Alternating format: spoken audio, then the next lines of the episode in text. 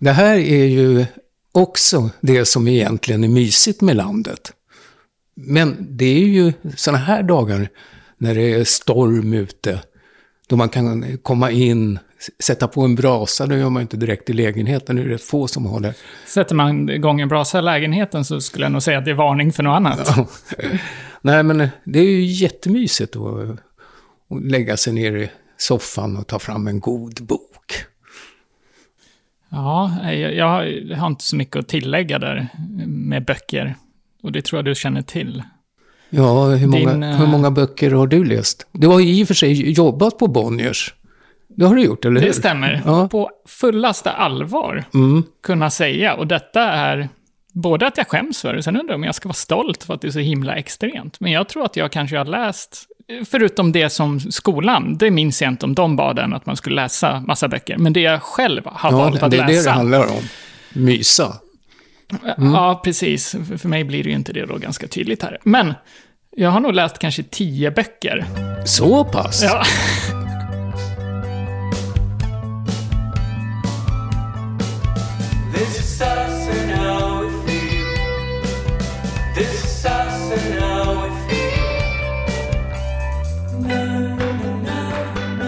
Ja, men nämn, nämn någon, det här är ju spännande. Jag kommer ihåg som liten så, eh, vad hette han nu, Roald Dahl, eh, gjorde en bok, han gjorde ju barnböcker, SVJ, jätten. Ja, Okej. Men det är barnböcker, om Det vi säger då. det är en av dem, tio Ja, jo, jo, men hur många har du läst eh, efter du blev 20 då? Ehm, det... det minns jag inte. Jag vet ju att du läser ju inte. Du har ju världens bibba hemma liksom. Men det är ju böcker från eh, jobbet på Bonniers. Precis. Men du läser. Men när Zlatan-boken kom, då var det ju massvis med ungdomar också. Som aldrig hade läst. Det blev deras första bok. Och det var ju som här öppnare för böcker. Och du fick ju den. Och du älskar ju Zlatan och fotboll. Ja, Har du läst den? mm, nej. Och jag vet att både du och mamma lägger på om ljudbok om Zlatan, att nu kan du i alla fall lyssna på den, behöver du inte ens läsa den och vända blad. Nej, just det. Men det är ju det nya egentligen. Ja. Det är fler och fler som lyssnar på böcker. Ja. istället. Liksom. Men jag tycker om att ha- den här fysiskt i handen. Och, och kommer jag in, jag har ju lärt mig av dig att kolla på serier och under den här tiden som jag hade med, ja, coronan. Eh, då har jag ju verkligen börjat titta på serier. Men eh, kom jag in i en bok, då bara längtar jag till sängen eller soffan och får sätta sig och mysa. Så att, eh, Jag, jag brukar säga det, att jag tycker det ser så mysigt ut när man kollar på folk som läser böcker. Att de sitter i en annan värld, de Mm. har det mysigt, de är lite... Man ser att de är inne. Oj, nu dök det upp, eh, apropå böcker, Eh, ett jättekul minne. Eh, det är ju så att en gång i tiden så, så skrev jag Radio Gotlands julkalender. Och innan gjorde liksom de här avsnitten med skådisar, då skrev jag den som en, som en liten bok, alltså barnbok, för att få en tråd. Eh, och eh, det var ju bestämt att Ingmar i Boppers skulle skriva musiken till avsnitten. Eh, Men han var ju tvungen då att läsa boken, eller utkastet först. Och då kom han och sa, det var den bästa bok jag någonsin har läst. Den är så bra, vilken inspiration. Jag kommer att skriva hur bra musik som helst i det här. Den är så jättebra. Nej men vad kul Ingmar, sa jag så här. Men vad, vad brukar du läsa? Ja, alltså jag har läst körkortsboken. Det var, var det enda enda bok. Då sjönk det där förtroendet för min julkalender. Nu vet ju jag, men jag tänker på lyssnarna. Vad handlade boken om? Bara i korthet nu. Så när vi ändå är inne på böcker och läsa, kan du berätta? Nej, men det var, eh, så det handlade om mötet mellan troll och människor. Men eh, några ungar, alltså. eh, Jag kände, jag ville tillbaka till ursprunget i barnsagornas värld. Via vid jul. trollarnas värld. Ja, nej men med, med jul och troll och Mm. så här. Men för mig, då om man tänker böcker, och jag har ju förlorat mycket på det, tänker rent läsmässigt och jag tror man förlorar en fantasi som man får ta in. För det jag alltid har dragits till, och det får du fylla i, för det minns jag inte när jag var liten, men alla barn kollar väl på tv, men min läsningstid lägger jag ju på serier och film. Det är ju det, när folk sitter och läser, då kollar jag en serie, ofta inte bara en, ett avsnitt, utan flera avsnitt. Eller en hel jäkla helg kan jag lägga på att kolla på serier. Du tappar ju en dimension när du tittar på en se- Alltså läser du en bok, då skapar ju du din, i hjärnan dina egna bilder hur folk ser ut och hur miljön är, även om det är miljöbeskrivning. Här får du ju allting serverat, liksom när du ser en serie. Det är ju verkligen, du behöver inte använda någon fantasicell. Nej, nej, jag håller med om det. det är, mm, men på något sätt har jag alltid varit så intresserad och genom att jag jobbar just nu med film och redigering så tror jag att det är också en dragningsplåster för mig såklart just nu. Och när jag var liten så drömde jag ju om att vilja jobba med film eh, på något vis, som kameraman eller finnas i bakgrunden eller någonting. Så Jaha. att, ehm, det har ju varit en liten eh, omedveten sådär. Jag, jag har aldrig uttalat det att jag vill jobba med film. Nej, det- jag men det, tänkte- jag, jag har suttit och tänkt på det som liten. Jaha, det sa du aldrig. alla Nej, fall. Jag har aldrig hört talas om. Nej, men jag, har inte, jag tror jag inte sagt det till varken dig eller mamma eller vänner eller så. Var det för att du tittade på tv alltså, och tänkte på, eller hur kunde du få Jag tror att jag gillade det bara. Jag kollade mycket på tv och tyckte det var ballt. Ju äldre jag blev, desto mer intresserad blev jag av filmvinklar. Och där går Mm. väl kanske min lite kreativa hjärna som barn igång. Att jag tyckte, wow, cool effekt, cool vinkel på kameran. Det måste betyda något, att den är lite sned eller gör en åkning mot en människa. Det, det var ballt. Mm. Ja, men då, då, då förstår jag att du hamnar i den branschen. Så, så tittar man ju inte, man bara upplever för mig när jag tittar. Men jag tänkte på, eh, jag gillar ju serier och du eh, har ju verkligen eh, lite kört ljudbok hela livet. Du har ju varit, inte bara DJ, utan speciellt här på Gotland, stor radiopratare. Har det varit din dröm? Att vilja bli radiopratare? Nej, eh, nej, nej, nej, jag, nej. När jag liksom, jag hade ju helt, eh, jag tror min, min dröm från barndomen och även upp i, eh, eh, i ganska vuxen ålder, alltså eh, efter när jag gick i gymnasiet och så vidare, det var att bli astronom. Alltså från första boken jag läste var ju en astronomibok.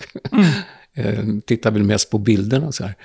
Nej, jag hade helt andra. Och sen eh, var det lärare på slutet då när jag skulle ta studenten. I matte, för det var ju mitt älsklingsämne.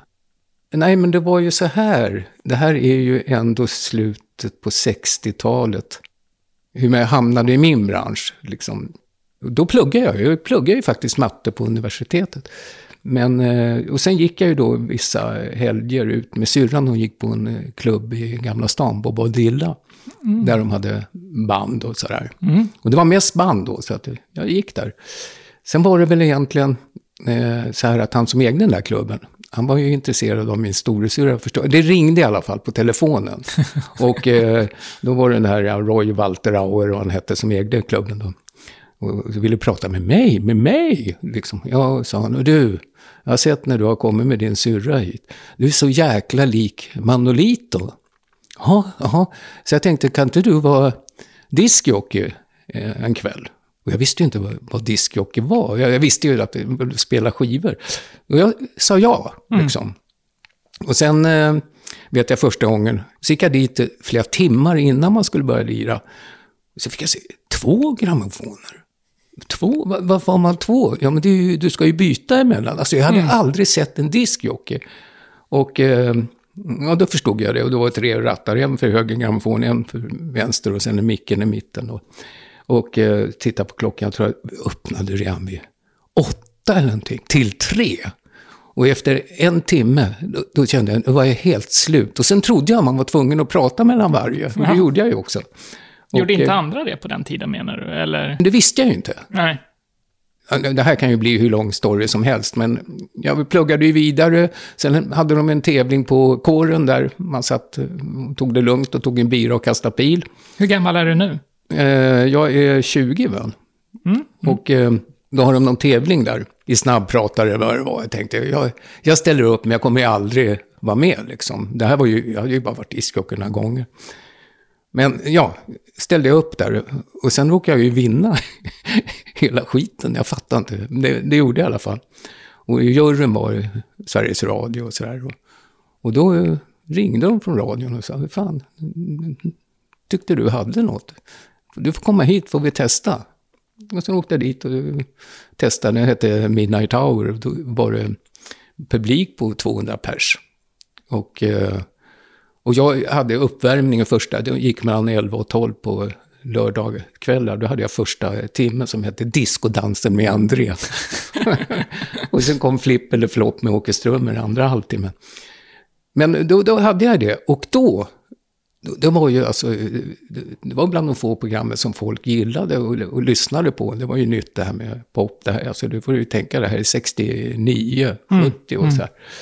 Så, eh, ja då blev man, ja då plötsligt började de ringa från hela Sverige att jag skulle komma dit och lira skivor. Och, och då blev det ju, tänkte jag, ja men nu får jag hoppa av plugget. Det här kan man väl köra ett år nu och få tjäna pengar. Och så hamnade jag i branschen i det där programmet. Och sen höll jag ju upp och sen när jag flyttade till Gotland, då, då kom det, för jag älskar ju radio, men då blev det på ett annat sätt. Det var ju inte diskjockey, då gjorde jag ju mina egna program och sådär. Var det ett kort svar på din fråga? Eller? Ja, det... jag själv, ja, jag gick ut gymnasiet och sen så jobbade jag lite här på Gotland Artist och praktiserade, så det var inget direkt jobb. Gjorde det med en av mina närmsta vänner, Erik.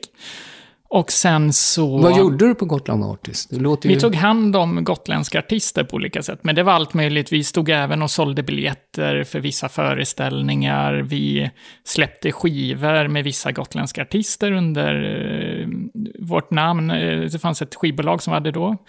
Eh, Men, men, men, var det här när vi fortfarande bodde ihop? Eller- Nej, det är efter. Det var därför jag inte kände till så mycket. Det var efter skilsmässan. Precis. Och sen efter det, när jag var 21 där, jag visste inte vad jag skulle göra, så bara chansade jag att flytta till Stockholm. För jag kände att ah, men jag måste, både min sociala sida och chansen till eh, jobb kan nog öka. Och det var ju nära till Gotland, tänkte jag. Och så hade jag då, jag har alla dina, just då hade du alla dina tre syskon där. Och jag hade alla mina kusiner förutom mina två adopterade kusiner som bor i Tranås. Och där bor även min mormor och morfar och min morbror. Och nu ska vi inte prata om hela släkten. Men i alla fall så fick jag då jobb via din yngsta syster på Bonniers bokklubb, som vi tidigare nämnde. Och där jobbade jag nog i cirka tre år. Och sen så outsourcades företaget, de la ner kundtjänsten. Det blev billigare att ha kvar den i Östersund. Och då blev man erbjuden att du kan ju behålla jobbet, men då får du bo i Östersund. Och det ville ju inte jag. Så då började jag söka jobb och till slut, ganska kort därefter, fick jag jobb på Arlas kundtjänst. Och där blev jag kvar nog i cirka, det minns jag inte exakt, 5-6 år. Och under den tiden började ju rastlösheten bara bli större och större. För att det jag jobbar med gjorde mig inte trött, det gjorde inte att jag eh, tappade orken, utan tvärtom. När jag kom hem kände jag, men jag har ju så mycket energi kvar. Jag har så mycket, vill göra musik, jag vill göra det. Så att jag kände att det här kan jag inte jobba med hela livet. Det var ju ett tecken på att, uh, att det inte var rätt jobb för mig. Så då tänkte jag, då kom det här upp med film. Och då tänkte jag att ja, men det här kanske är någonting man ska utforska lite grann. Och hade två nära vänner som jag då spelade med i ett band, som jobbade båda de två med film och redigering. Jag satt och utbildade mig själv. Jag kollade YouTube, jag satt och testklippte och så frågade jag dem massa frågor. Hur ska man tänka? Och sen körde jag min, min egna skola och mitt eget race, kan man säga. Och sen under den tiden där när jag höll på med den här, min egna skola, så var jag tillsammans med en tjej som pluggade. Så jag fick idén att jag säger upp mig från jobbet och försöker knyta an kontakter eh, för att bli frilansare. Men jag har ju inte knappt jobbat med det här, men för att kunna jobba med det så måste jag få tid för att kunna få chansen att kunna jobba med det. Annars hade det bara varit helger och där är ju inte lätt att få jobb. Så då sa jag till Arla, jag jobbar varannan helg, men jag säger upp mig och ska börja satsa på film. För det är många som skulle säga, men säg inte upp det, för det är så svårt att få jobb idag. Inte, man kan ju inte säga upp sig från ett fast jobb. Men eh, jag gjorde ju något liknande en gång, men eh, så jag kommer ihåg att även mamma tror jag stöttade dig. Alltså, I Ja. alla fall jag stöttade dig till hundra. Det är självklart. Satsa, försök vara frilans. Ja. Ja, men precis. Ja, men det var nog varannan helg på Arla som gjorde att, då hade jag räknat ut att då har vi råd med räkningarna. Hon gick ju på CSN, det går ju inte att leva på henne. Och sen byggde jag upp under det där, äh, jag var frilansare i om det var fyra år någonting. Och under den tiden växte det ju. Jag tog kontakt via nätet med olika folk. Jag... Eh, via min, mina vänner som jobbar med det fick jag hjälp och fick jobb via dem. Och sen till slut då så var jag på ett jobb där jag träffar dem jag nu jobbar för. Och har nu varit fast anställd där i cirka fyra år. Så att det här är ju ett av de jobben där du inte behöver utbildning, utan jag skulle säga att jobba med något kreativt, film och redigering, kanske radio, det får du säga vad du tycker, men jag jobbar ju också med ljud, att bara man brinner för det, lägger tid på det och tror på sig själv, så kan man komma väldigt långt. Duktig pojke, så klok. Ja. Vet du, Nej. vi ska dö en dag. Nej, men. Nej, börja inte prata om sånt. Usch, det är det värsta jag vet.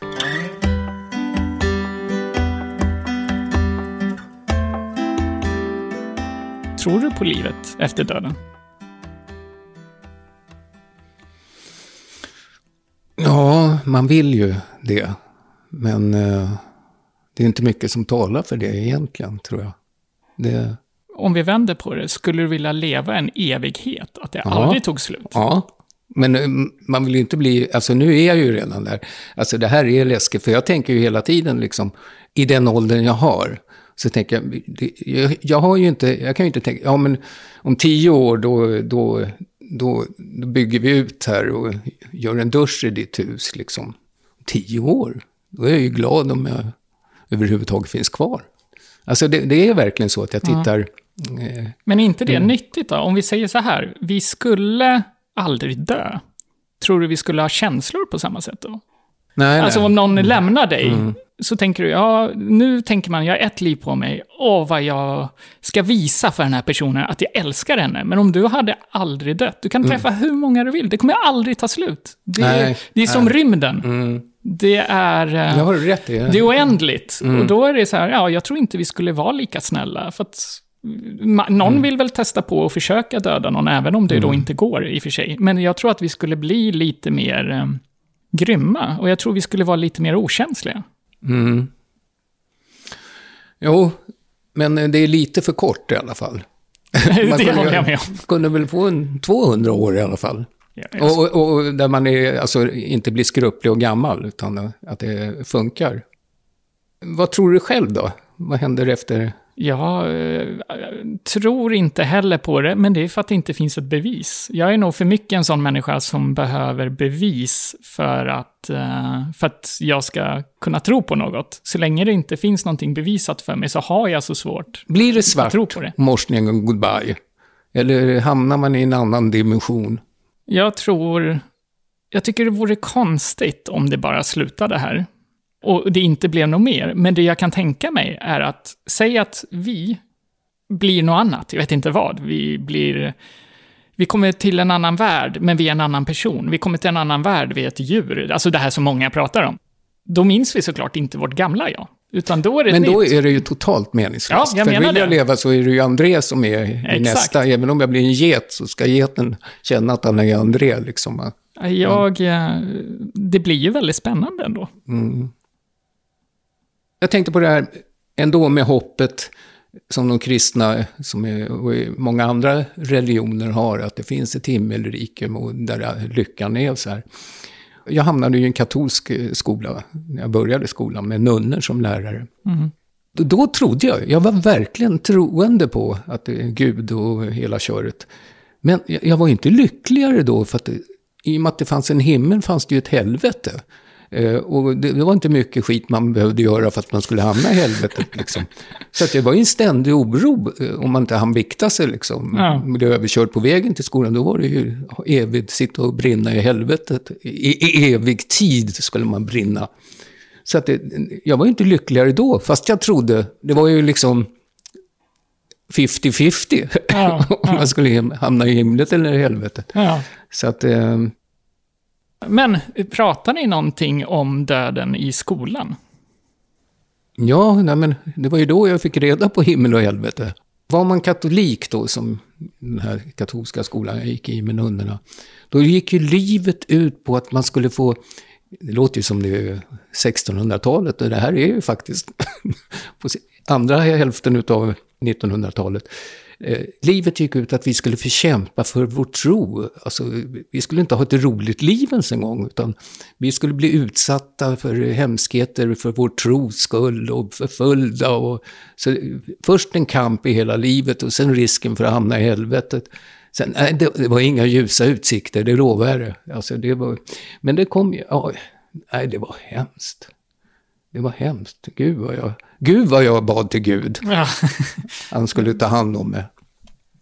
Nej, men jag undrar om, eh, om man skulle prata om mer det i skolan eller om det bara blir mer deppigt. För jag tänker att det är viktigt att prata om döden. För det är någonting vi alla tänker på. Det är någonting vi alla kommer till slut komma till. Det är det enda säkra med livet, det är att vi ska dö. Ja, och vissa är rädda för att prata om det. Just tror jag för att man vill inte tänka på det. Men man vill hantera det när det är dags. Mm. Men jag tror att jag skulle bli lugnare, precis som vi gör nu, att prata om det. Mm. Jag tror att det för mig skapar ett lugn att reflektera över det, än att vara orolig och vänta tills den dagen man börjar känna att nu är det inte långt kvar. Ja, som jag är alltså. Sluta nu. Ja. Nej, nej, men det, det är helt rätt. Det, man måste ju acceptera, alltså ta in Precis, precis. Man kan säga att vi lever efter och för döden. Ehm, alltså, vi lever vårt liv utifrån döden. Att vi en dag ska dö. Det var det jag menar med att därför kanske jag väljer att göra det här valet att, att jag säger upp mig, jag gör det här, för jag har bara ett liv. Ja, ja. Men en sak som jag tycker är en av de starkaste känslorna om döden är att jag kan uppleva så kallad dödsångest, tror jag. Att man för en sekund stannar man till och tar in till 100% att jag kommer dö. Jag sitter här och pratar med min pappa, men om ett par, ett par år, om ganska länge då, så kommer jag inte, jag kommer inte finnas. Jag rö- kommer inte röra mina armar, jag kommer inte prata, jag kommer inte ha ett jobb, jag kommer inte längta efter att göra musik, jag kommer inte längta till att sitta här i Lillträsk. Jag kommer vara död. Det är döden. Och då får man, jag kan bli helt kallsvettig och få panik. Men det där är ju ett vedertaget eh, begrepp eller känsla. För ordet finns ju, dödsångest. Precis. Det, Men jag tycker jag fick fint. dödsångest då. Och det använder man ju som ett eh, uttryck för eh, situationer i livet utan att mena egentligen döden. Ja, det, det här är det värsta som skulle kunna hända Ja. om en grej. Jag fick dödsångest att det här skulle hända.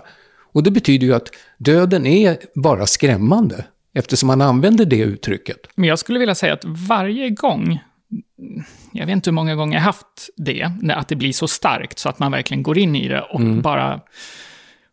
Och sen kommer man ur det, det är ju inte länge det behövs för den starka känslan, utan det är ju ett par sekunder. Och sen när jag kommer ur i det så tänker jag varje gång, vad står jag i livet nu? Vad vill jag förändra? Är ofta min känsla, just av att jag kommer dö en dag. Okej, nej, jag trivs inte på mitt jobb. Ja, så här, jag har ett liv, jag har de här åren på mig. Jag tänker inte må dåligt, utan nu säger jag upp mig. Ja, nej, jag, jag skulle vilja åka till Island, det har jag aldrig gjort. Jag planerar det. Alltså ofta ur att få den känslan av att hjälp, jag ska dö, så kommer alltid min eftertanke. Okej. Att ska reflektera av vad man, vad man Och är sen i gör livet. du grejer, positiva grejer.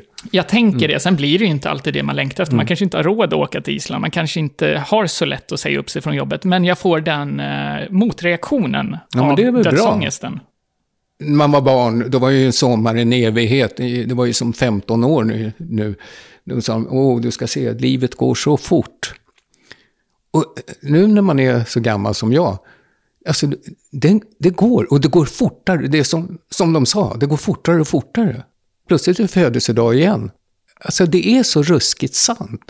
Och jag hatar att bli äldre. Och sen, just nu, jag är ju pigg och jag är ute och promenerar, jag motionerar, jag kan gå på gymmet och hela det här köret.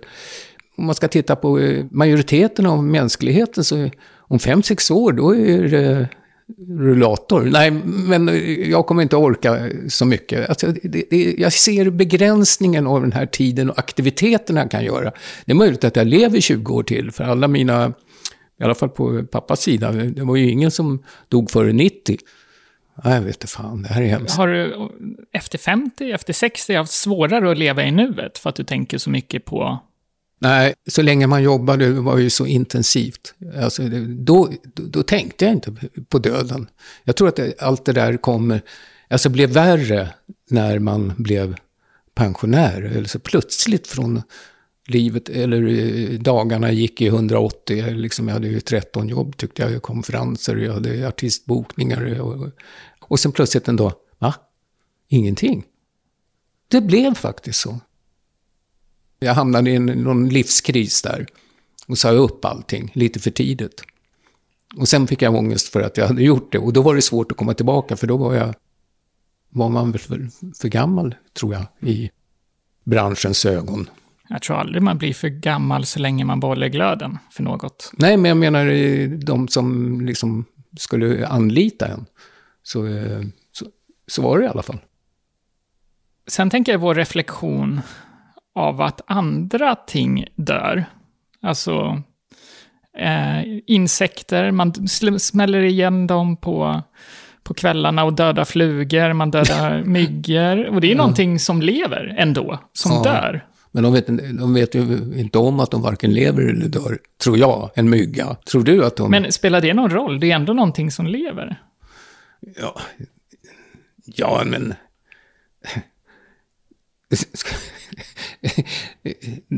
nej, men det där...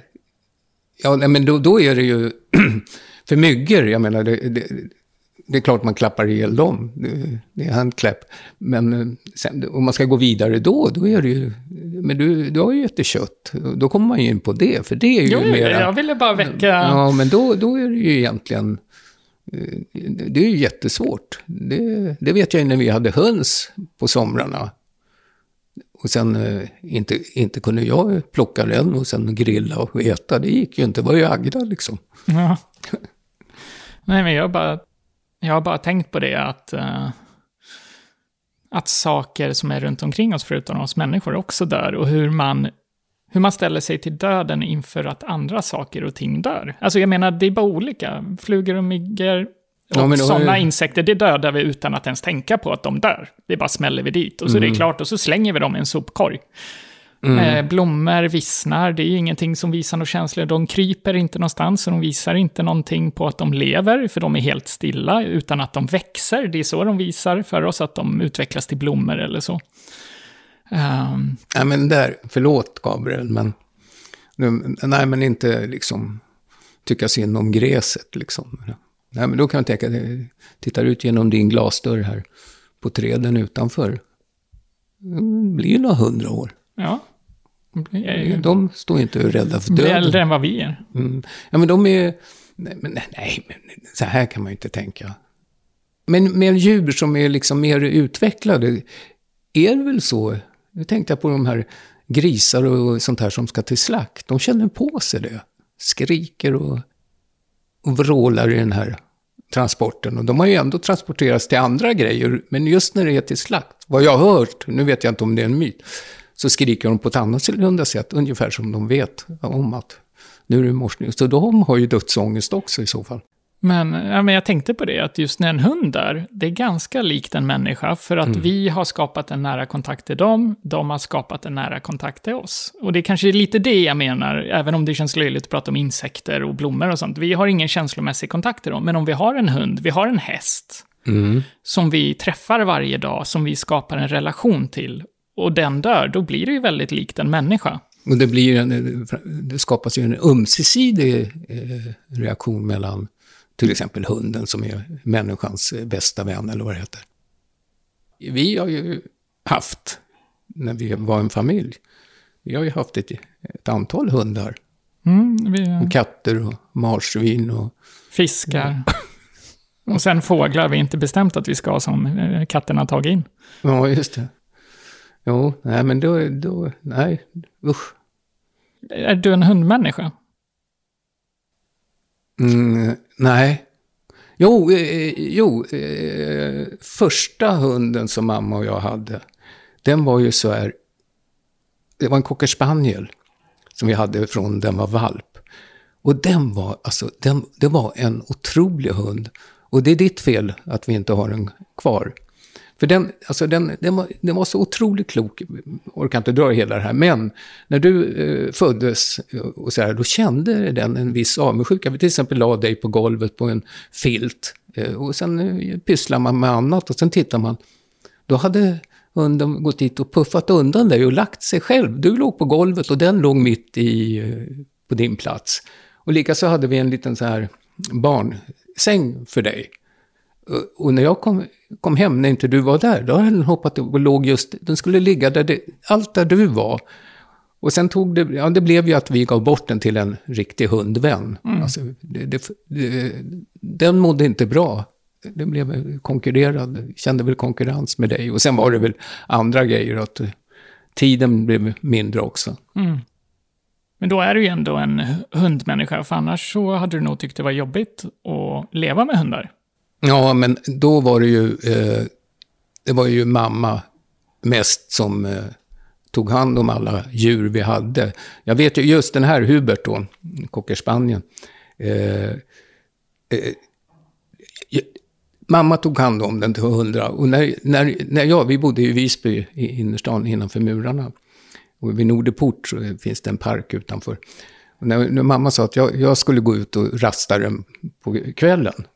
Och så fort den hade skitit, då gick jag ju in igen. Alltså, så att det, det blev ju en fem minuters. Och det kände ju den här hunden på sig. Så den, man såg ju rumpan vickade fram och tillbaka, för den höll sig liksom. För att de visste, då fick den vara ute längre. Nej, jag, jag, jag har inte haft tålamod, så att det har ju blivit... Eh, och sen de andra djuren som kom, det är ju mamma som skötte dem. Så att när jag blev själv, då har jag aldrig haft en tanke på att skaffa. Nej. Jag minns ju inte Hubert, men jag minns ju Isa som var vår andra hund, som jag växte upp med och fick en väldigt stark kontakt med och var lite som min syster, för jag har ju inga syskon. Ni nöjde er väl med en eh, exemplarisk person och så behövde ni inte en till. Sen dess har jag ju velat ha hund själv och jag har haft en hund som är en gatuhund som jag hade för några år sedan. Väldigt strulig hund. Och eh, man vet ju inte vad man får när man får en gatuhund. Jag älskade ju honom, men det var för mycket problem. Och jag och den tjejen som hade den hunden skildes åt, så var det mycket bättre att han följde med tjejen. För han försvarade alltid tjejer. Umgicks jag med mamma, umgicks jag med en vän, eller eh, med eh, min flickvän när vi var ihop, så försvarade han alltid de tjejerna. Så det var så tydligt att han var misshandlad av män. Men jag kände att det var inte hans fel. Så att jag tog ändå den fighten via att försöka lära honom att på olika sätt lita på mig, slappna av. Jag la ner jättemycket tid på det. Men jag saknar verkligen en hund. För mig är det när man har haft en hund och den inte finns kvar, speciellt när man kommer hem till hemmet, så är det verkligen två olika energier. När man öppnar en dörr, ser en glad svans, det finns någon där hemma som springer fram till en, än att öppna dörren och det är totalt tomt. Mm. Så jag saknar verkligen att ha en hund som livar upp vardagen och man går ut på fler promenader. Även om jag själv tar egna promenader så blir det lite längre promenader. Man möter andra människor med hundar. Ehm, så jag, jag Ja, men- älskar hundar. Ja, Jag fattar. Och det, ja, men det är både du och mina syrror och så här tjatar ju att jag skulle skaffa en hund. För att, eh, och det, det, det skulle jag verkligen vilja ha en som gosar med. Men sen upp klockan sju, ut när det piskar, eh, kallt och jävligt. Och sen ja, tre gånger om dagen minst väl ska man ut med den. Och, Hade du gjort samma sak om det var ett barn? Nej, för Nej. fan, han är Nej, men- nedbajsad och det blåser. Nej, och det... nej, nej, men det, nej, det, har, nej, det går inte att jämföra. Nej, men eh, eh, jag funderar väldigt starkt på faktiskt att skaffa en hund ändå.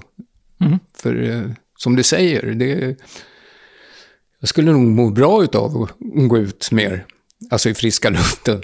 det tror jag verkligen. Även när man, alltså inte bara vänta in när det är kanonväder, och, utan då skulle man, det, är nog bra. Det är många där jag bor, jag ser ju genom fönstret hur många det är i huset som har hund. Mm.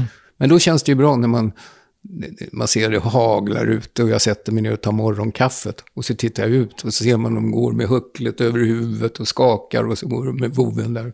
Tänker vilken tur att du har en vove. Ja, det går fram och tillbaka där i alla fall. Men jag är ju då uppvuxen med två olika hundar, marsvin som du sa, katter, två stycken, eh, fiskar. Växte du upp med några djur i din familj? Eh, jo, eh, pappa fixade akvarium, det skötte han. Så det hade vi fiskar. Och sen hade ju, eh, nu, nu pratar vi ju riktigt små, då hade min storasyrra ett marsvin, kommer ihåg, den hette Svarten. Minns du vad det var för fiskar? Nej, ja, Nej. guppis vet jag, det var de billigaste i alla fall. Men sen vet jag inte vad de andra var. Guppis kommer jag ihåg, jättesmå. För det var väl de som ynglade av sig, höll jag på att säga. Jo, sen skaffade eh, un- undulater. Och pappa älskade dem också. Och det började egentligen, det var ju ett så här, eh, jag hade, det var när jag gick i gymnasiet då, så var det på julloven, man jobbade på posten. Och så tänkte jag, då köpte jag en bur och en undulat till min lilla syster som var fem år eller någonting. Och hon blev ju jätteglad. Och den undulaten blev ju hur tam som helst. Den kunde man ropa på, den fick ju flyga fritt och allting. Och efter det så blev familjen intresserad, så då skaffade de fler undulater. Mm. Men eh, nej, några fler djur hade vi nog inte Nej. förrän jag flyttade hemifrån. Ville du ha mer djur när du var liten? men liksom, jag ville hade- du ha en hund, en katt? Jag hade ju inga. Alltså det var ju, undulaterna blev ju lilla Jo, jo. syrrans och Men jag menar, fiskarna. saknade du? Önskar du i julklapp en hund, Nej, en nej. katt som vissa barn gjorde?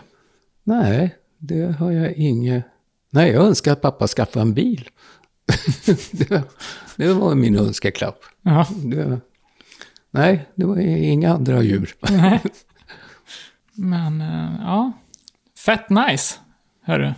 Det är typ liksom bara coolt, allt du säger.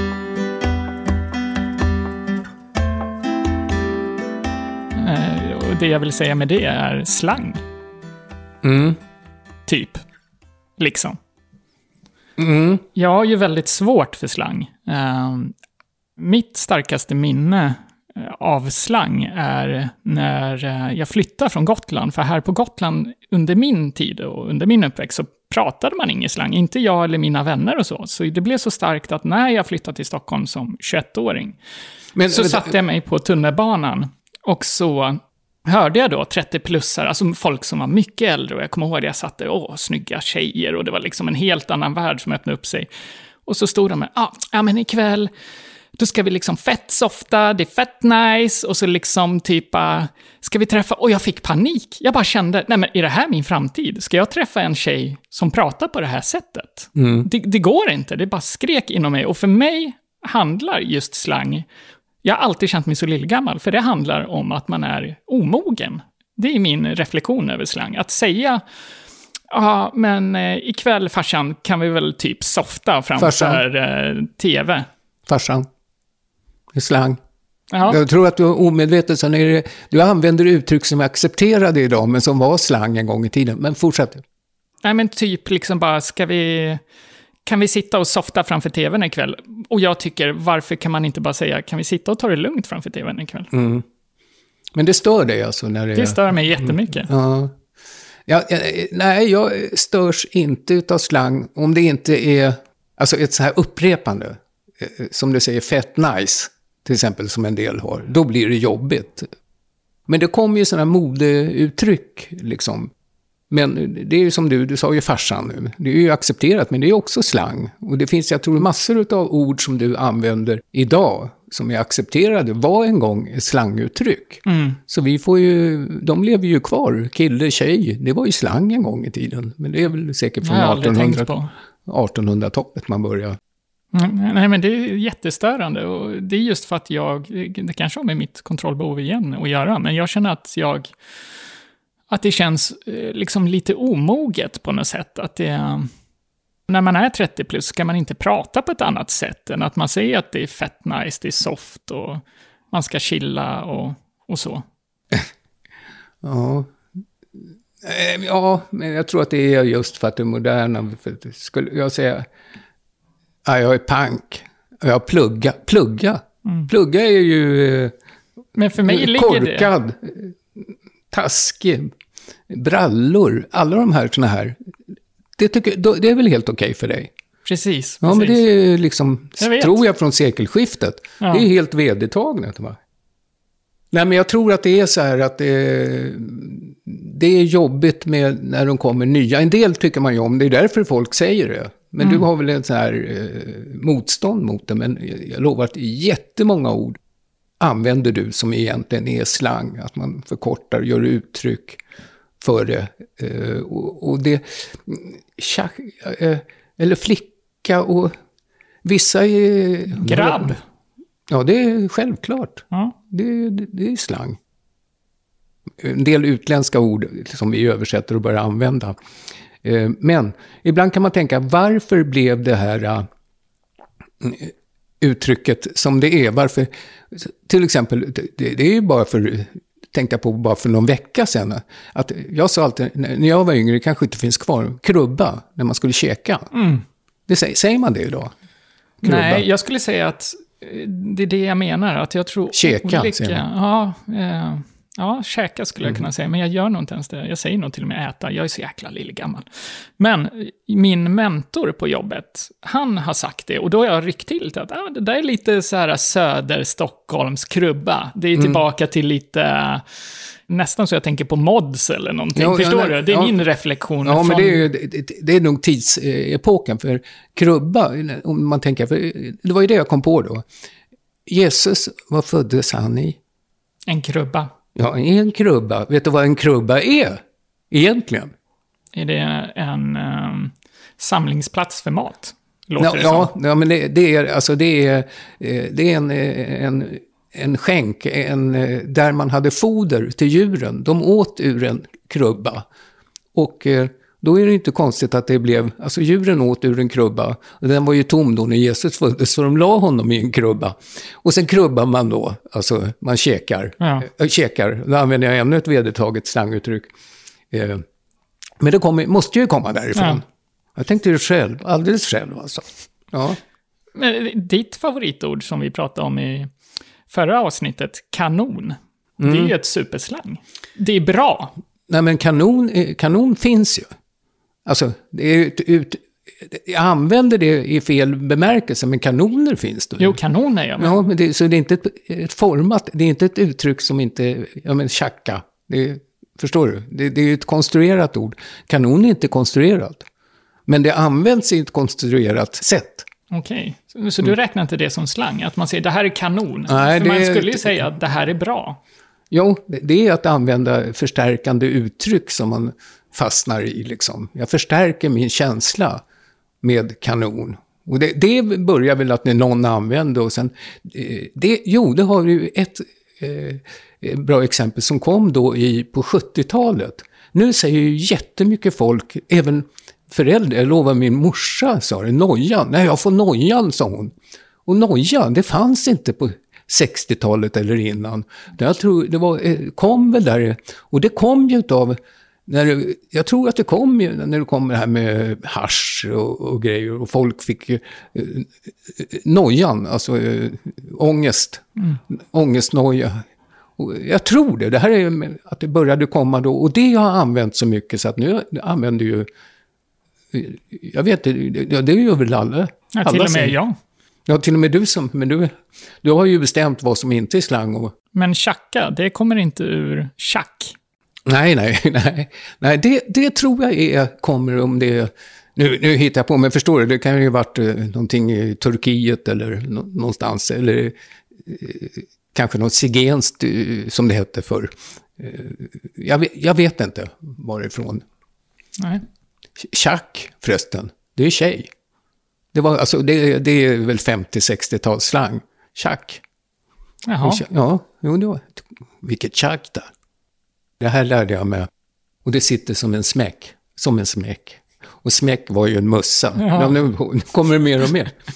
Slangskolan. Jag skulle vilja ha en baljaludder och två veldammade arlon. Vad är det då? Ja, det, det är ju ingen som förstår. Det är gammalt södermål. Jag skulle vilja ha en kopp kaffe och två färska wienerbröd. En baljaludder och två veldammade arlon. Det är riktigt. Varför tror du vi behöver slang då? Är vi uttråkade i vårt egna språk eller blir vi... Varför behöver vi slang? Om vi har redan ett ord för någonting, varför behöver vi ett nytt ord för det? Ja, det, det har jag inte tänkt på, men... eh, Nej, men det, det låter väl, det är väl det att någon säger någonting och så fastnar man själv för det. Att ja, men det, det, här lät, det här lät ju bra, det här gav en känsla för uttryck och sen börjar man använda det själv. Ja, Och sen sprider det sig som en löpeld bland annat. ja, men, det, ja men det gör det ju. Det, men någon måste jag ha startat Ja. någon gång. Och sen känner folk att det funkar. Funkar? Ja, men du, vi skulle inte kunna prata. Jag tror att det, är- det är slang i hälften, fast vissa är som vi pratade om, att de är så vedertagna så att om vi fortsätter ska jag påpeka varenda gång du använder ett slanguttryck som du inte vet om är slang. Liksom. Och slang förresten, varför heter det slang? För slang, det är ju någonting man har vatten i eller något annat. Varför heter det slang? Det där, det kan du få ett uppdrag till nästa gång Ja. vi träffs. Ta reda på varför slang heter slang. Liksom. Jag tänker på att varför vi byter ut våra ord har det inte både med utveckling att göra, att vi människor ständigt vill utvecklas och inte stå still. Och även med språket så vill vi utveckla det för att vi Nya människor kommer till jorden, vi sitter nu med mobiler, vi är inte som tillbaka i fasta telefoner. Hela tiden utvecklar vi saker runt omkring oss. Är det inte naturligt att vi då utvecklar vårt språk också? Eller ska vi prata som 1700-talet? Nej, just det, det gör vi ju inte. Vi säger ju inte ni. Nej, och till, vi skriver ju inte af, nej. jord där du kommer. Nej, det, ja, men det är ju så. Men det är ju även då med de här uttrycken som så kallade slang som har blivit. Det kommer ju nya också he- hela tiden. Eh, nu- nu, blev det riktigt i knoppen. Jag blev helt yr i knoppen nu, så nu vet jag inte vad 17 vi var. Och jag tänker det som många pratar, det finns två ord eh, som just nu är i Sverige, eller som har varit länge. Det ena är ju hen, som är eh, ur att man inte ska säga man eller eh, så, utan hen sa. Eh, och sen finns det även, som väldigt många som jag skriver med, eh, om det är på datingsajter, om det är på eh, vänner som skriver till mig, väldigt mycket så säger folk bemärkelsen av en Mm. hela tiden. Och det kan en tänka. Mm. Inte, så att det är ju... Ja, men vi tar det här med hen. Jag blev, jag blev riktigt förbannad liksom. Eller förbannad. Men jag tyckte det var så onödigt när det började användas, hen. Ja. Jag tycker det går väl bra med han eller hon. Ja. Eh, men då har jag märkt, om jag, nu när man mässar, Mm. man pratar ju knappt i telefon längre, utan smsar, och då ska det vara så kort och snabbt som möjligt. Mm. Och då har jag känt att hen är ett bra ord, Mm. istället för att skriva eh, om han eller hon eh, skulle tycka, eller en, en tjej eller kille. Eh, alltså att behöva använda, då är det så enkelt att skriva hen, då vet man att man menar både tjejer och killar. Mm. Det där, slangen kommer hela tiden. Nu börjar jag tänka på, det ska vara pojke och flicka. Ja, Ja, men jag, jag håller med dig. Sen tycker jag att det är väl också i journalistiska sammanhang jättebra att skriva hen, för det spelar ingen roll vem som har gjort det här brottet, om det är en tjej Mm. eller en kille. Varför måste det vara viktigt? just det. Just det, förut skrev, eh, vad skrev de då då? En människa? En man har eh, gjort, eh, eller? Ja. Nej, jag, just det, det har jag, vänta. Nej, det är ju jättebra när man skriver hen, när man inte vill tala om. Antingen att det eh, betyder båda könen, eh, och kunna förkorta det. Eller att man inte vill, som du sa i media, om, man ska, om det var någon som har gjort någonting, om man inte vill tala om könet, då använder man hen också. För det är enkelt. Men då är vi båda överens att vi kan använda hen. Bara att jag måste erkänna att jag är inte emot hen, men jag är för dålig för att använda det. Jag måste, liksom, jag måste nog skola in mig på att säga det, för jag har hela mitt liv varit van med ett ord, så det måste vara jättesvårt. Det är ju som beroende att ställa om med ett sånt ord man använder så ofta. Man snackar ju inte med folk längre, man smsar.